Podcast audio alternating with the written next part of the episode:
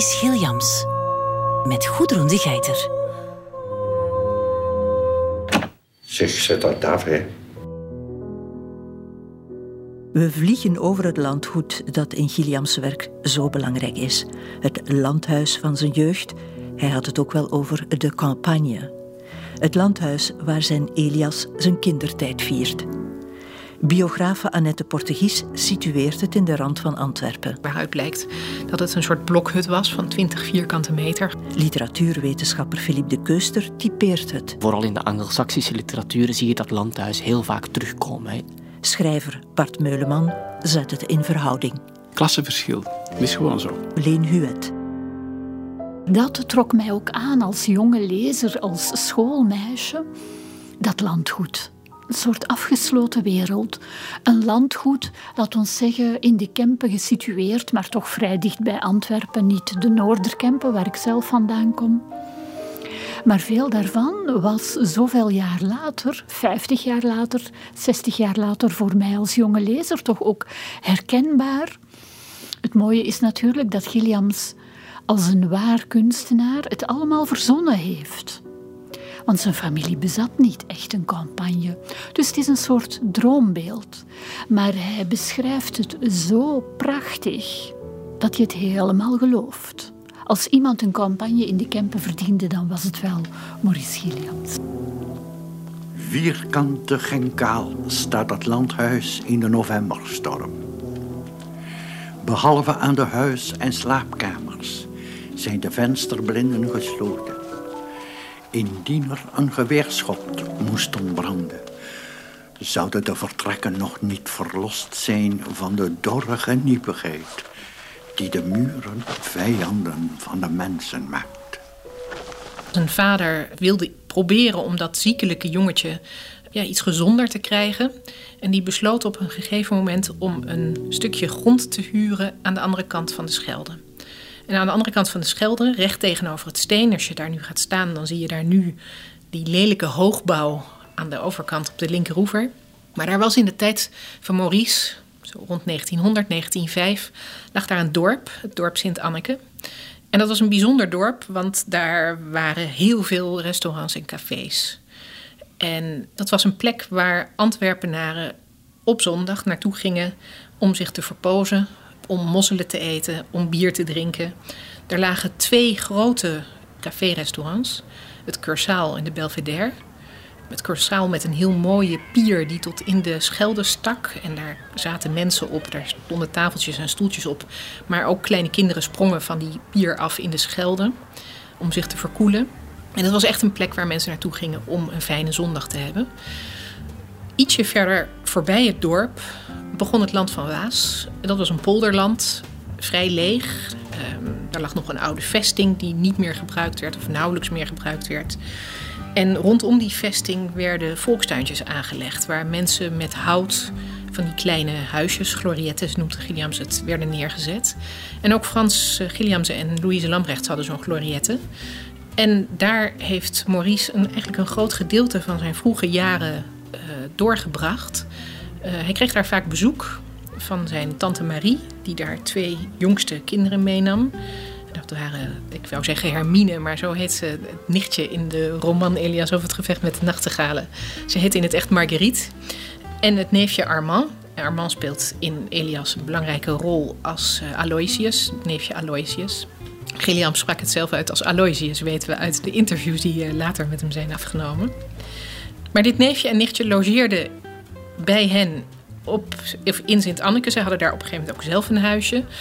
En ja, Maurice heeft daar als kleine jongen met Armand echt de, de dreven en de, en de weggetjes en de weilanden afgestroopt om avonturen te beleven.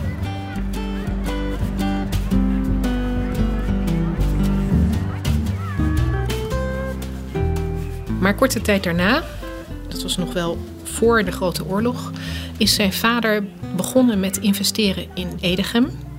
Dat is nu oh ja, ook helemaal tegen Antwerpen aangegroeid, maar destijds nog een, een dorp apart. Je moest nog een periode door de velden moest je, bewegen voordat je bij het dorp Edegem kwam. Maar Edegem had iets waardoor het um, ja, enorm snel ging groeien. Die had namelijk een loerdeschot. een grot nagemaakt zoals in Zuid-Frankrijk in Lourdes, waar Maria zou zijn verschenen. En die werden overal in Europa, werden die in de loop van het eind van de 19e eeuw die nagemaakt. En Edegem had ook zo'n grot. En dat was een bedevaartsplaats geworden. Dus het werd steeds drukker in Edegem. En daar begonnen zich, voor de bedevaartgangers begonnen restaurants en hotels de grond uit te schieten. En vader Gilliams, die wat geld had verdiend met die drukkerij, die dacht dat is een goede investering. Dus die heeft in Edegem grond gekocht en daar heeft hij zelf huizen op laten bouwen. En toen op een gegeven moment in het huisje op Sint-Anneke werd ingebroken, voelde Maurice en zijn moeder voelden zich daar niet meer veilig. Toen heeft hij besloten: ik ga een vergelijkbaar huisje neerzetten in Edegem. En daar kunnen we dan de zomers doorbrengen. Of als het weer slecht gaat met Maurice, zijn benauwdheid, kan hij daar gaan zitten. Dus ze hebben inderdaad in Edegem, achter een rij huizen die vader Gilliams daar niet neerzette, heeft hij daar een, een chalet neergezet. En dat is ook beschreven. Gilliams heeft daar ook zelf de, bewijzen van bewaard. De verzekeringsbewijzen bijvoorbeeld. Dat is een brandverzekering waaruit blijkt dat het een soort blokhut was van 20 vierkante meter. Groter was het niet. Maar daar in Edegem, daar spelen zich ook verhalen af die hij eigenlijk in zijn hoofd heeft samengebald in Elias of het gevecht met de nachtegalen.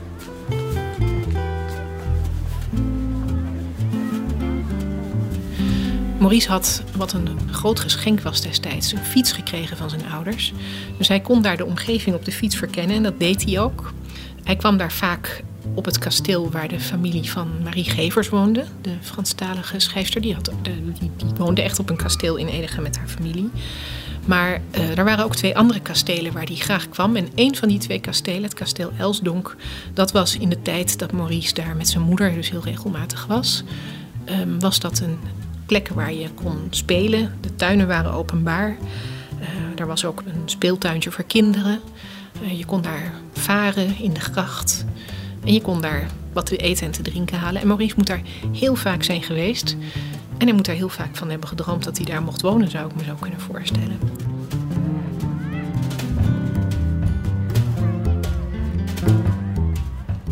Maar ook is kasteel Elsdonk dus op een gegeven moment afgebroken. En ongeveer in de periode waar we het nu over hebben. Het kasteel is afgebroken, want de gronden van kasteel Elsdonk die zijn verkocht. En ja, de bedoeling was dat daar een grote wijk op zou gemaakt worden voor arbeiders. Ook Antwerpen werd, het oude Antwerpen werd te klein voor de bevolking. Dus er moest in de, in de randgemeente moest er worden gebouwd. Maar er zijn ook mensen die de theorie aanhangen dat dit manoir zich aan de overkant van de Schelde moet hebben bevonden. Want ook Sint-Anneke ging natuurlijk op een gegeven moment... Werd, viel ten prooi aan de vooruitgang, zullen we maar zeggen. Dat werd met de grond gelijk gemaakt. Er werd zand overheen gestort om daar te gaan bouwen. Maar dat was toen er echt daadwerkelijk op Sint-Anneke gebouwd werd, was veel later. En Elsdonk, het domein Elsdonk, dat is al echt bebouwd in de tijd dat nou, Maurice zijn vader heeft uh, in 1924 daar uh, de, de, de, huizen verkocht. En toen was dat eigenlijk al, dat, dat landgoed was al, de, de gronden waren al verkocht. Er was daar een tuinwijk opstaan die notabene Garden City heet. Ik bedoel, iconischer als tuinwijk kun je het niet hebben. Die bestaat overigens nog steeds. Het is nog steeds een heel bijzondere plek. Maar dat is de plek waar dus destijds het, eh, het kasteel heeft gestaan... wat gewoon tot op de laatste baksteen is afgebroken. En dat was dus ook een plek waarvan Maurice Gilliams, denk ik, heel makkelijk kon zeggen in interviews. En ook zonder dat hij erover hoeft te liegen. Het kasteel bestaat niet meer. En er liggen nu allerlei wegen omheen. En het is, het is helemaal niet meer wat het was. Ja, daar heeft hij, als het inderdaad gaat om Elsdonk, wat ik denk, dan heeft hij er niet over gelogen. Dan is dat ook zo.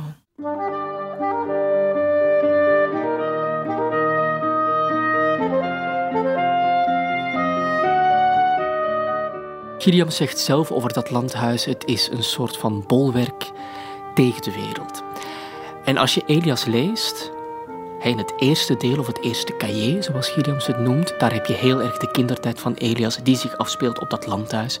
Dat landhuis wordt vaak weggezet als een soort van idylle, een plaats die van tijd en ruimte is uh, weggesneden. Alleen de seizoenen hebben er zogenaamd invloed op. Maar als je dat eerste cahier leest, dan zie je toch ook dat dat landhuis bedreigd wordt uh, van buitenaf. Je hoort tussen de regels door, hoor je de trein, de spoorweg, de moderne wereld die oprukt. Dat is ook heel erg een gegeven uit de jaren 30. Het, het, het Vlaamse platteland wordt in heel snel tempo ontsloten Ehm, en er worden overal nieuwe woonwijken gebouwd. Net zo'n woonwijk als die woonwijk die dan Elias in het tweede cahier gaat uh, bouwen. Dus dat is in de eerste plaats. Het landhuis is een verdichtsel van Gilliams eigen nostalgische terugdenken aan uh, zijn kindertijd. Hij zijn uh, Gilliams als, als, als kind bracht tijd door op het Vlaamse platteland. Zij het de linkeroever van uh, de Schelde of zij het een, een, soort van chalet die zijn vader of zijn, zijn familie had in de Antwerpse rand. Tegelijkertijd is dat landhuis natuurlijk ook in een breder literair opzicht een, een veel voorkomend gegeven. Precies omdat het landhuis staat voor een soort van historische continuïteit. Uh, een historische continuïteit die door de modernisering onderbroken dreigt te worden. In Engeland spreekt men van de country house novel. Dat is in Vlaanderen natuurlijk niet om de simpele reden dat er weinig minder landhuizen van dat uh, kaliber in, in, op het Vlaamse platteland staan. Maar het, het is op zich wel hetzelfde gegeven. Hè. Daar heb ik altijd zitten op wachten dat men dat niet dadelijk gemerkt heeft daar heeft men in het begin, was maar altijd die, die een droom bezig mm. enzovoort. En men merkte niet dat hij een Elias aan het vechten was tegen de muren van dat kasteel waar hij uit wilde. Te zeggen, dat milieu. En hij was niet gewapend genoeg om zich daar buiten te begeven. Hij ging op de vlucht, maar als het klokje klepte, kwam hij terug naar huis. Oude groepen. Hij kon, ja, het was iemand die geen stand kon houden. Hmm. Hij was er niet, uh, moet ik dat uitdrukken, niet gestaald, niet gehard. Om buiten zijn milieu zijn weg te vinden.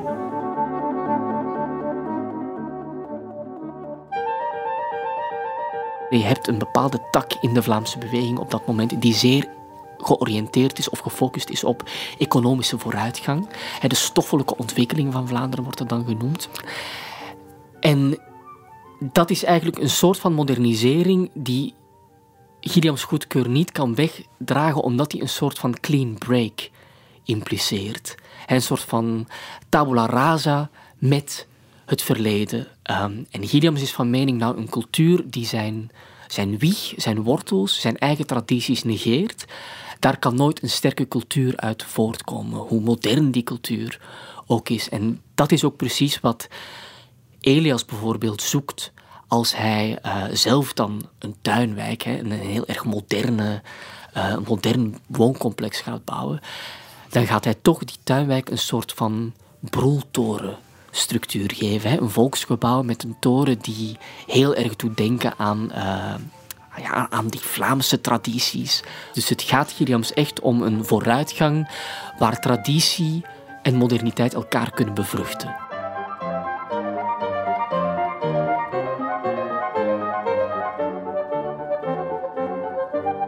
Ik weet zeker dat hij daar met Jos Ritsen, die dus een van de aandeelhouders was in de Nederlandse boekhandel, dat hij daar veel over moet hebben gediscussieerd. Dat kan niet anders. Dus het interesseerde hem en hij keek er tegelijkertijd met een zekere weemoed naar, omdat iets van de wereld van zijn kindertijd daarmee verloren ging. En daarmee ook van dat, ja, ik zou zeggen, de manier waarop kinderen naar de wereld kijken is soms magisch realistisch. En iets van die magie ging er natuurlijk mee verloren. En iets in die ehm, uitbreidingen van de stad en in dat allereerste modernisme, daar zal ook iets van belangstelling in hebben gezeten van hoe je die oude manier van kijken naar de wereld en ook de oude manier van bouwen. En dat zat heel erg in die Jos Ritsen, die dus en kerken bouwde, maar ook met die, met die tuinwijken, met die arbeiderswijken bezig was. Hoe je dat op een of andere manier nog kon samenbrengen. Heel maken wat er kapot is, dat gevoel. De mensen die, die wonen op het inmiddels verkavelde terrein waar hij zijn bevoorrechte jeugd heeft meegebracht. Dat zijn dus eigenlijk de producten van de democratisering. Dat zijn mensen die beter zijn kunnen gaan wonen, die sociale woningen hebben kunnen kopen, of die gewoon in typische nieuwbouwwijken zijn gaan wonen. En uh, ja, dat zijn dan degenen die eigenlijk het beeld van zijn jeugd vertrappen, hè, kapot, vertrappelen, kapot maken. Uh, dus dat is toch op een of andere manier de vijand van zijn eigen verleden. En dat is echt um, ja, dat is een fenomenale samenvatting van, hoe hij zich, van waar hij zich situeert half niet een beetje aangedikt natuurlijk. Want bij Gilliams is er altijd ook wel een beetje bluff mee gemoeid. Maar mocht die democratisering er niet geweest zijn, ja, dan had ik hier bijvoorbeeld niet gezeten. Dus kan ik toch alleen maar toejuichen eigenlijk. Maar ik heb wel sympathie voor dat tegendraadse eigenlijk. Dat willen in ere houden van ja, ondertussen luchtkastelen eigenlijk bijna. Kastelen die niet meer bestaan. Ik ben nooit zo'n grote boonfan geweest, bijvoorbeeld. Helemaal niet eigenlijk. Ik heb daar heel weinig voeling mee. Mij trekt Gilliams veel meer aan, daar kan er niks aan doen.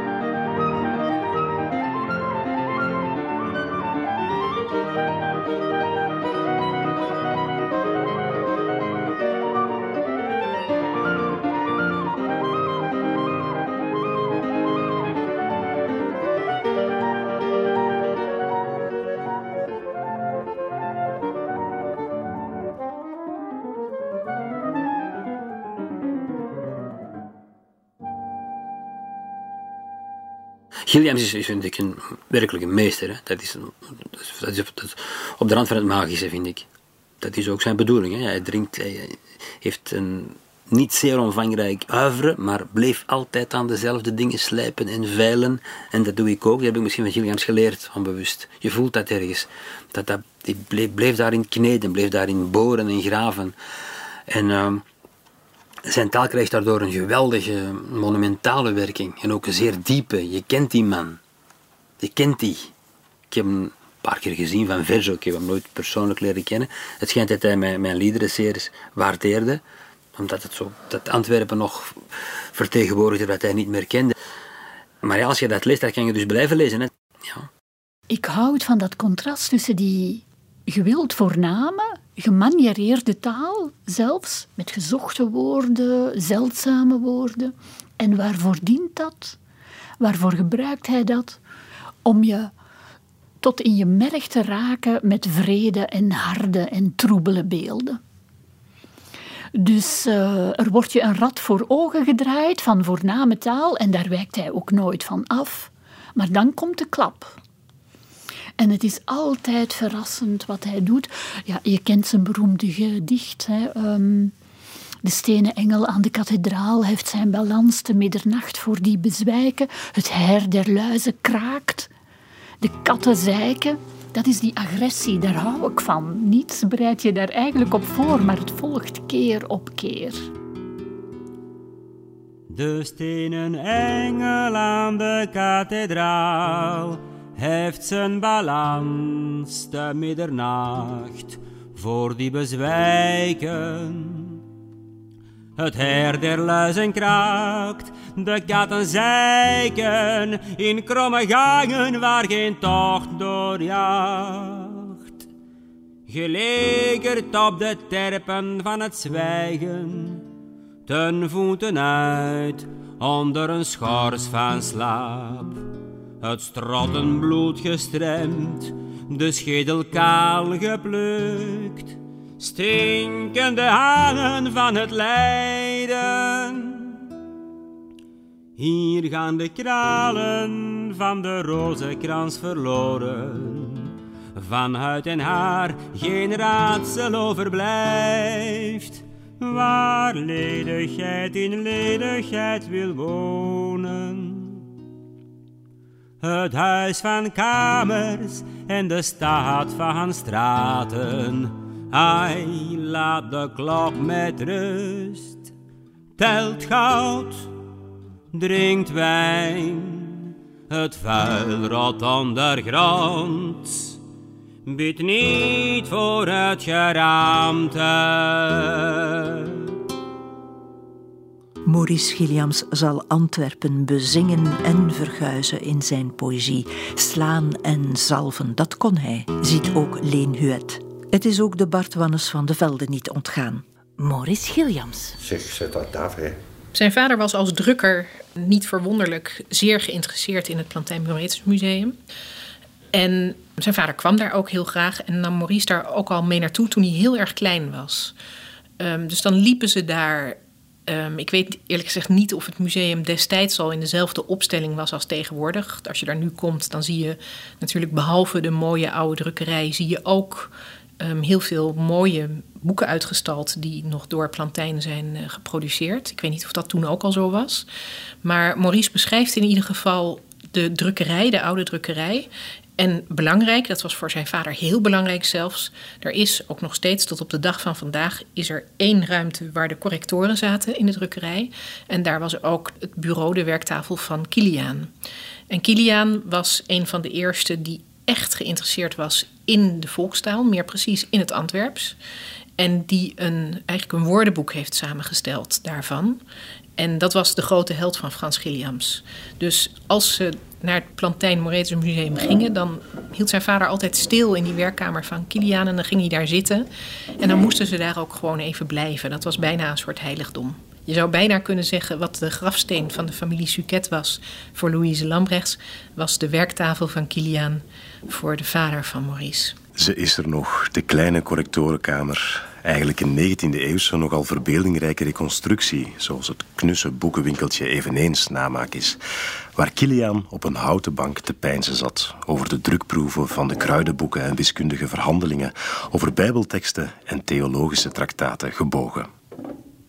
Onder zijn dor, eentonig werk heeft hij vaak opgekeken en mijmerend getuurd naar het bloemenperk op de binnenplaats van het paleis zijns meester. Hij heeft er dezelfde hopelige kasseitjes nageteld, die er wellicht nu nog liggen. Zijn vertofde blik dwaalde verstrooid naar de breed opwaaiende onrust van een wingerd met kwetterende mussen en blauw beslagen druiventrossen. Of als het sneeuwde, in de lange stilte van december zag hij langs het venster aan de overzijde, waar de woonvertrekken gelegen waren, een vluchtelingsverschemerende jonge vrouwengestalte met een Spaanse kraag getooid en pareltjes in het haar gestoken. Hij was een geleerde, een weduwnaar met een dochter. Hij verdiende, buiten de kost, 18 stuivers in de week. Vijftig lange jaren heeft hij zo geleefd, als een kluizenaar. En op deze bank gezeten heeft hij zich ouder voelen worden en verzuren. Na vele eindeloze voor- en namiddagen naarstig gebogen zitten met het warme kittelhaar van zijn lange baard op zijn bezige linkerhand met de verkalkende aderen, moest hij van zijn werk opstaan, omdat het klokje voor etenstijd geluid werd. Doch hij gevoelde zich stram en zonder vrienden in de winter, met zere, zwaarwegende reumatiekbenen, die een grijsaard hopeloos eenzaam maken.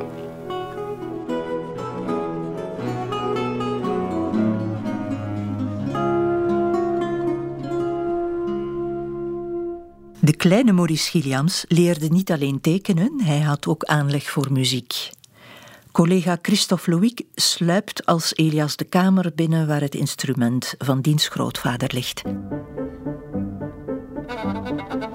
Als door een zware stroming van stilte gehinderd en weerhouden, tracht ik het bureau te bereiken.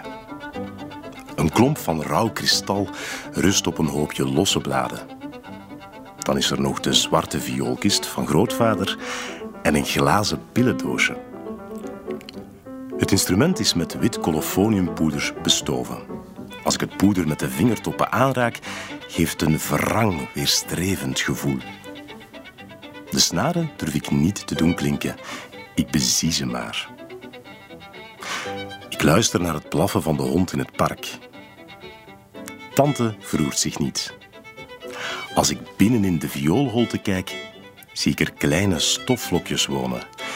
En ik kan aan de verleiding niet weerstaan om in vrede met een potlood te verstoren. S'avonds kwam grootvader in deze doodsvoorname boekenkamer muziek maken.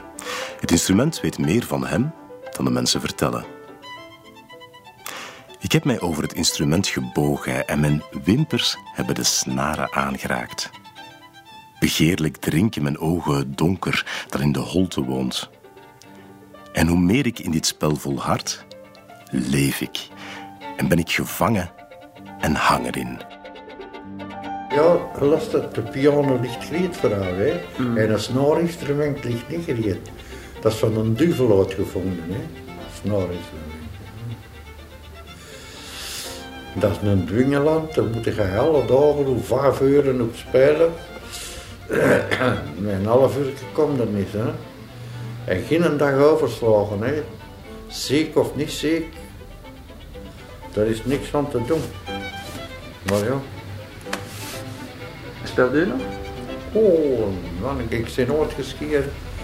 In 19 slaak, hè.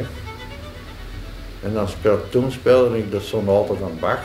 En dan heb ik die op grammofoonplaat staan, dan luister ik het nog, hè. Ja, hij had een viooltje geërfd van zijn grootvader, de grootvader de vishandelaar, Guillaume Lamrechts. En ehm, daar leerde hij op spelen. En dat leerde hij voor een deel in een muziekschool op basis van de administratie van eh, Frans Gilliams. Daar is netjes in aangetekend eh, op in welke maanden daar voor de muziekschool bijvoorbeeld werd betaald. Maar hij mocht ook op les en hij mocht ook, en dat was bijzonder, op privéles. En een van de privéleraren die hij had voor de viool, die heeft hij vrij uitgebreid beschreven in een prachtig verhaal. Ehm, een verhaal dat eh, is opgenomen in Oefentocht in het Luchtledige. En ehm, ja, dat was van een meisje dat uit Nederland kwam. Een violiste die uit Nederland kwam. Georgina Springer was een wonderkind. Dat bepaal ik niet, maar dat was algemeen erkend. Ze was ontdekt hier in Antwerpen notabene. Ze trad op met een zusje dat haar begeleidde op de piano. Dat zusje was iets minder begaafd, maar Georgina werd echt gezien als een wonderkind werd hier in Antwerpen ontdekt door de directeur van het conservatorium. En kreeg daar dus echt al als kind, als piepklein meisje, kreeg ze een beurs om hier in Antwerpen aan het conservatorium te studeren. Waar ze als elfjarige haar diploma kreeg. En ja, toen begon haar ster snel te reizen. Haar vader was zo slim om haar te laten optreden, vooral hier in België en in Duitsland. Want in Nederland mocht dat niet meer vanwege de wetgeving die kinderarbeid verbood. Dus het was heel gunstig om haar hier te laten, zodat ze hier geld kon verdienen. Zo simpel is het eigenlijk. Maar een van de manieren waarop zij geld verdiende was door kleine jongens vioolles te geven. En Maurice was een van die kleine jongens. Eigenlijk begrijp ik niet wat Georgina, die zeker een niet alledaags meisje was, zo ongegeneerd bij ons kwam doen. Mijn moeder sprak weinig met haar en liet haar begaan. Georgina kwam onregelmatig en naar believen, als een wonderlijke bezoekster bij wijlen in de avonturen. En telkens bracht zij een sfeer van vogelen, sterren en bloemen in de kamper. Haar wit, aan de hals vierkant uitgesneden kleed, met roze en blauwe nopjes bedrukt. De korte poefmouwtjes als ballonnetjes aan de schouders en haar dunne blanke armen met een schemerig blauwe ader onder de matte, doorschijnende huid. Het was alles bij de eerste oogopslag verrukkelijk. Iets liefs en weemoedigs om eraan te denken bij valavond als het zoetjes regent tegen de ruiten. Ze sprak me vriendelijk toe, zo vertrouwelijk en mij intiem beroerend, gelijk nog niemand, zelfs mijn moeder niet, het voordien had gedaan. Als Georgina was geweest, had ik telkens hoofdpijn. Zenuwachtig liep ik het huis op en neer in een verveling waar ik geen weg met mezelf wist.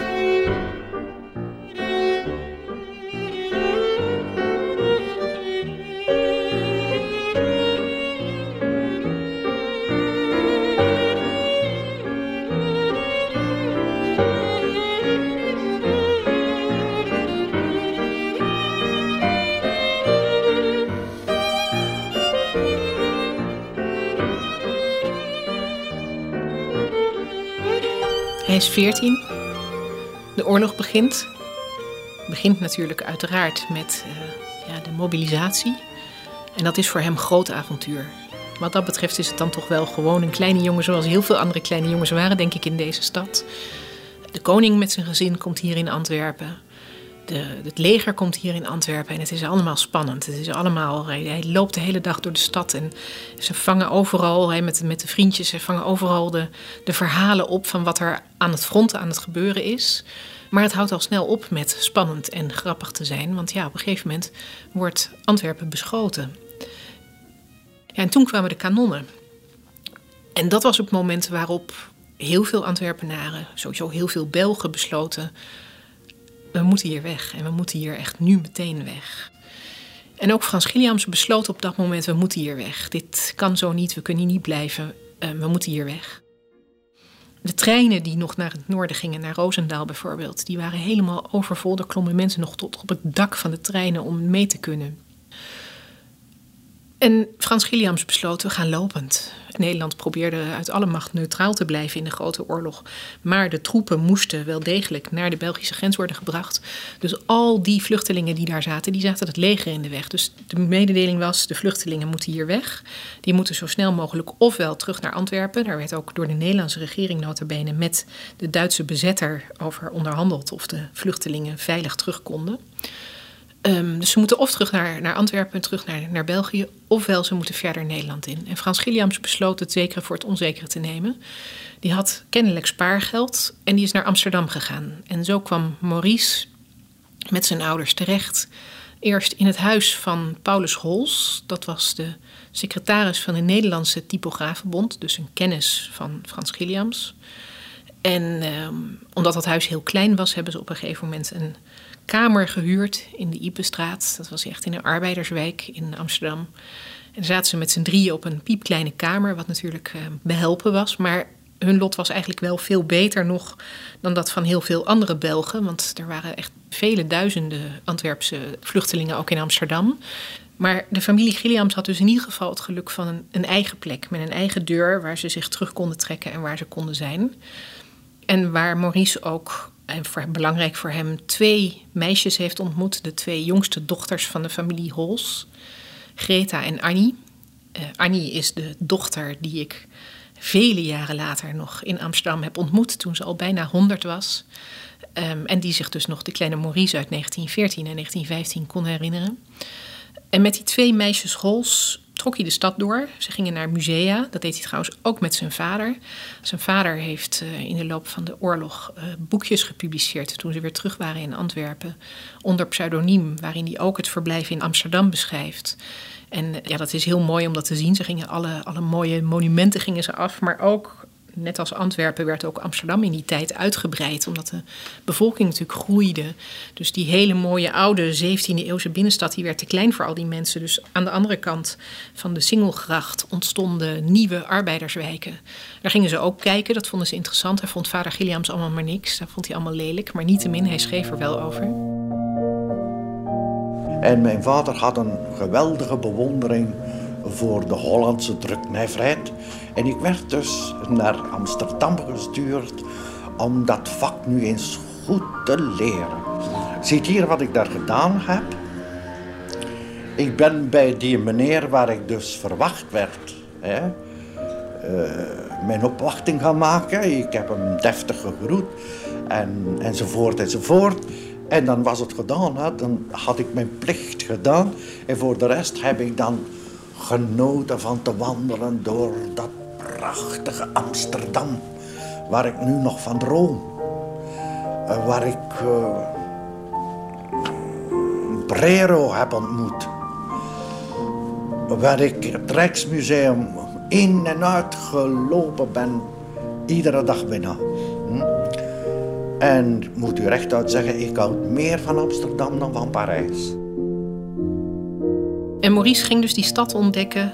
Enerzijds aan de hand van zijn vader, maar aan de andere kant ook aan de hand van die twee meisjes Hols. En met name het oudste meisje, Greta. Dat meisje zat het dichtst bij hem in leeftijd, ze was twee jaar jonger dan hij. En dat meisje las boeken, ook belangrijk, dus hij kon boeken van haar lenen. En op dat meisje werd hij eigenlijk verliefd.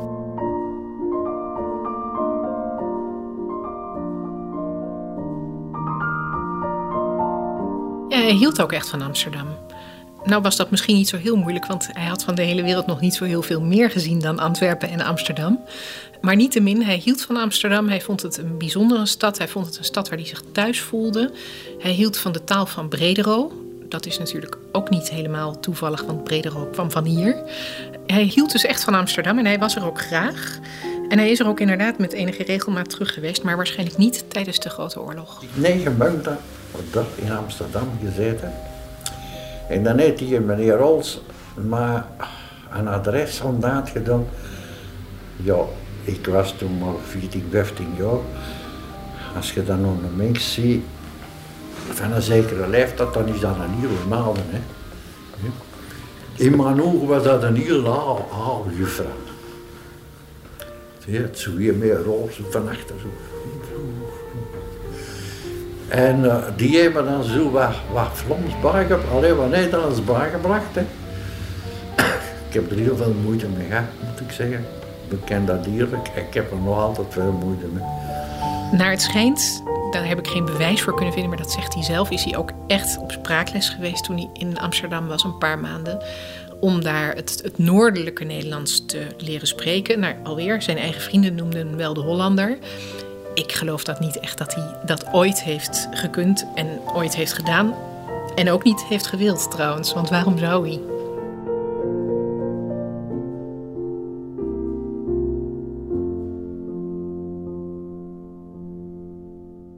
Hij is eh, op een gegeven moment bij de familie Hols is hij afscheid gaan nemen. Hij heeft voor de beide zusjes Hols een gedicht geschreven. Dat heeft hij ook voor alle beide zusjes heeft hij dat voorgedragen daar in de huiskamer. Je zou misschien wel kunnen zeggen dat de dichter in Maurice geboren is in Amsterdam. En dan gaat hij terug met zijn ouders en dat is niet voor niks, want het bericht is gekomen dan dat de bezetter een draad tussen Nederland en België aan het opzetten is, een elektrische draad. Dus de grens tussen Nederland en Vlaanderen zal worden gesloten. En ze hebben geen idee voor hoe lang. En dat is het moment dat ze besluiten om terug te gaan.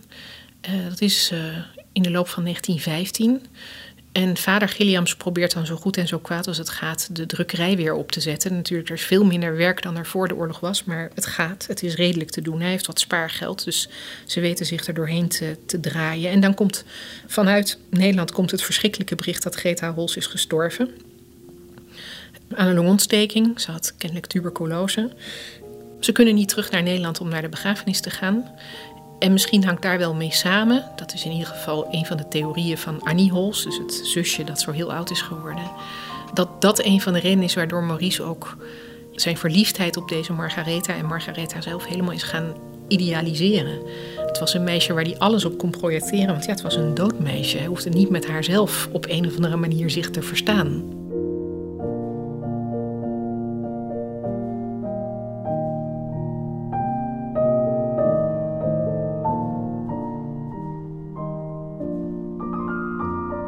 Een harde afloop na een verblijf in Amsterdam bij het begin van de Grote Oorlog. Terug in Antwerpen begint Maurice Gilliams aan zijn eerste schrijf- en drukavonturen, nadat hij de boekenkast van zijn vader heeft verslonden. Schrijven doet hij eerst onder een andere naam. Onder een pseudoniem, hè? Ligt Neerlandicus Philippe de Keuster toe. Mijn vader had een grote bibliotheek. Als ik zeg groot, dan was dat zo om en om 2500 boekjes. Dus dat begint al een bibliotheek te worden. Ik ben dus begonnen met die 19e eeuwers te lezen. Dat was voor mij niet altijd uh, aangenaam. Omdat ik te veel Frans had gelezen, dat verder stond natuurlijk. Hè? Zijn vader had een grote bibliotheek met voornamelijk Nederlandstalige literatuur. Hij had alle grote 19e-eeuwse schrijvers uit Vlaanderen. En hij had ook alle grote 19e-eeuwse schrijvers uit Nederland. En dat boekenbezit, dat hield hij bij in een schriftje... dat zich ook hier nog in het letterenhuis bevindt. Ook met daarbij geschreven hoeveel het kostte om het aan te schaffen. En een heel groot gedeelte van die boeken... Uh, nou ja, sowieso, Maurice heeft ze gelezen toen hij klein was. Of toen hij klein was, toen hij puber werd, heeft hij het gelezen. Maar een gedeelte, groot gedeelte van die boeken heeft hij ook altijd bewaard. Dus die bevonden zich nog in de bibliotheek van Maurice Gilliams toen hij zelf stierf. Mijn eerste publicatie. Publicatie is een groot woord, want echte publicaties, dat had ik niet. Ik drukte dat zelf, die, die dingen. Ik mocht dat zondags drukken als de knechten weg waren. Hè, dan liep ik niet in de weg. En dat was dan de dichter en zijn schaduw. Dat heb ik gedrukt op 25 exemplaren. Daar heb ik er 20 van kunnen achterhalen en verbranden. Ik ben nu nog op jacht naar die vijf overgebleven exemplaren. Een van de fijne dingen van drukkerszoon is natuurlijk dat je, als je literaire ambities hebt, dat je vrij gemakkelijk kunt publiceren. En dat deed hij dus ook. Dus hij zette en drukte zijn allervroegste bundels zelf Sommige van die bundels zijn ook gezet door zijn vader, dat heeft hij er ook bij aangetekend. Ehm, en die drukte die en soms was dat maar in een oplage van drie of tien of vijftien. En als hij dan uiteindelijk toch weer ongelukkig mee was, dan vernietigde hij de helft er weer van. Maar zijn allervroegste bundels die heeft hij dus zelf staan maken aan de persen van zijn vader in de Pruinenstraat. Ja, die mens moet ook geluk hebben af en toe met het beroep van zijn vader. Gilliams, hij was toen 17 jaar ongeveer, die debuteert onder een pseudoniem, Floris van Merken. Een zeer Vlaamse naam. En hij debuteert met een, uh, een aantal gedichten en ook een aantal korte proza-stukken. Niet in zomaar een tijdschrift, maar hij debuteert in Vlaams Leven. Het is een activistenblad. Er is ook een, een zeer mooi interview dat verschenen is in, in Vlaams Leven met de 17-jarige Maurice Gilliams, of Floris van Merkem, zoals die toen heette, waarin Gilliams iets prijsgeeft over hoe hij de literatuur ziet. Wat is nou de taak van de schrijver?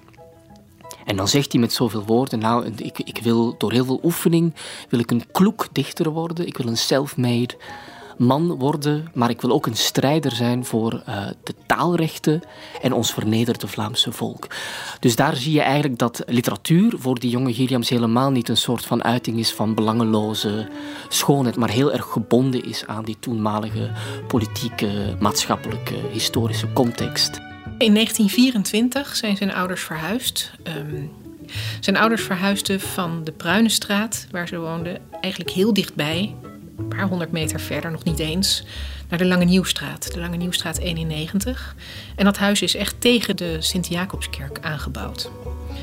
Dat had als directe gevolg dat het een heel donker huis is. Verschillende mensen hebben erover getuigd dat de familie Gilliams altijd de verlichting aan had omdat het er zo donker was en ook heel vochtig. Maar Maurice die betrok daar de verdieping op de derde etage en die had vanuit zijn werkkamer had hij zicht op de daken van de Sint-Jacob. Hij keek zo uit over de muur en het dak van de Sint-Jacob. Dus dat was wel een prachtig zicht dat ook dat moet geëtst zijn in zijn, in zijn geheugen. Men zou wel gesteld willen zijn om steeds kostbaar schrijfpapier te gebruiken om een doos vol zeldzame postzegels te bezitten, om uit oude meerschuimen pijpen te roken en een kamertje voor zich alleen te hebben met niets dan een rustbed, een schrijftafel en een harde stoel dat men overdag naar wens donker kan maken om er te bekomen van zijn uitputtende arbeid. Het moet ieder uur stil zijn in huis zodat in de dingen die buiten ons om bestaan het eeuwige kan waargenomen worden. Later, dan wordt hij lid van het Chorale Cecilia hier in Antwerpen. Beroemd koor, geleid door Lodewijk de Vocht, die zelf componist was, maar ook een beroemd dirigent, ook verbonden aan het conservatorium hier. En dat Chorale Cecilia was een gemengd koor, amateurkoor maar wel van zo'n hoog niveau dat ze echt internationaal furoren maakten. En op een gegeven moment dus zelfs grammofoonplaten hebben mogen opnemen. Dus dat was echt een koor van niveau. Met als belangrijkste verdienste, in eerste plaats uiteraard van Lodewijk de Vocht zelf, dat ze ieder jaar in de Goede Week de uh, Matthäus Passion uh, opvoerden waardoor de Matthäus een belangrijke traditie werd. Het was tijdenlang in de jaren 20 en 30 ook voor mensen hier totaal gewoon. Dat deed je in de Goede Week. Dan ging je een keer naar de opvoering van de Matthäus door de Chorale Cecilia.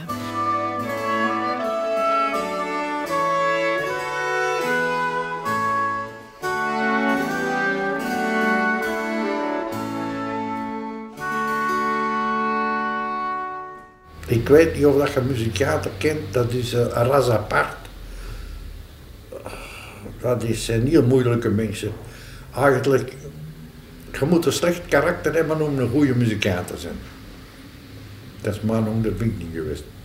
Hij zong bij de tenoren, dat weten we, in eh, de Chorale Cecilia.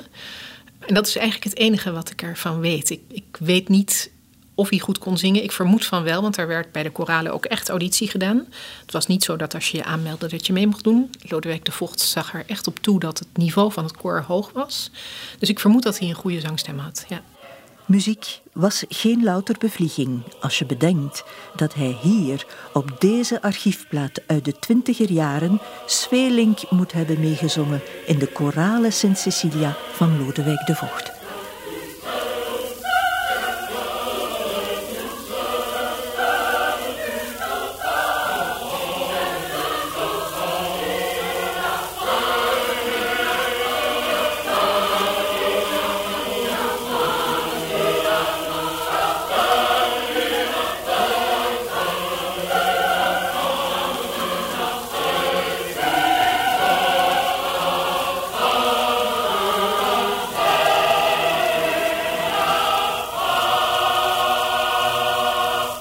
Wel, ik heb gestudeerd bij August de Koning. Ik heb daar harmonie en contrapunt gestudeerd.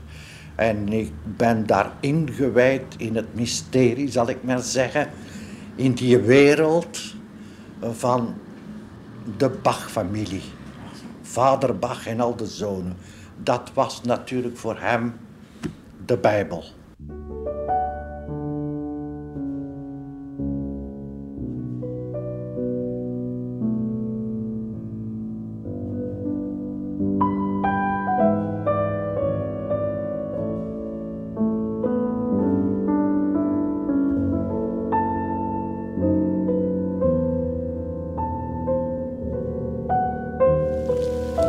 Bestaan bewonderenswaardige, vernuftig uitgedachte, complexe verhoudingen van weerstanden en spanningen. In een brug, in de sluizen van een kanaal, in de schroef van een schip. Doch wat maken ze weinig indruk vergeleken met de complexe verhoudingen van weerstanden en spanningen aanwezig in de fugas van Bach menselijk denkbeeld, als besef van menselijk mysterie, als illusie van het eeuwige.